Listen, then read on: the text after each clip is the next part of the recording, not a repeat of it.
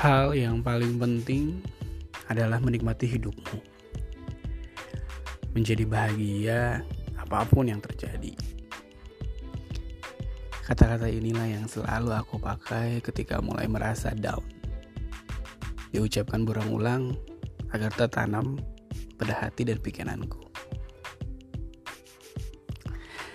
Selamat datang di podcastku. Aku Iwan, 38 tahun, dan ini adalah ceritaku.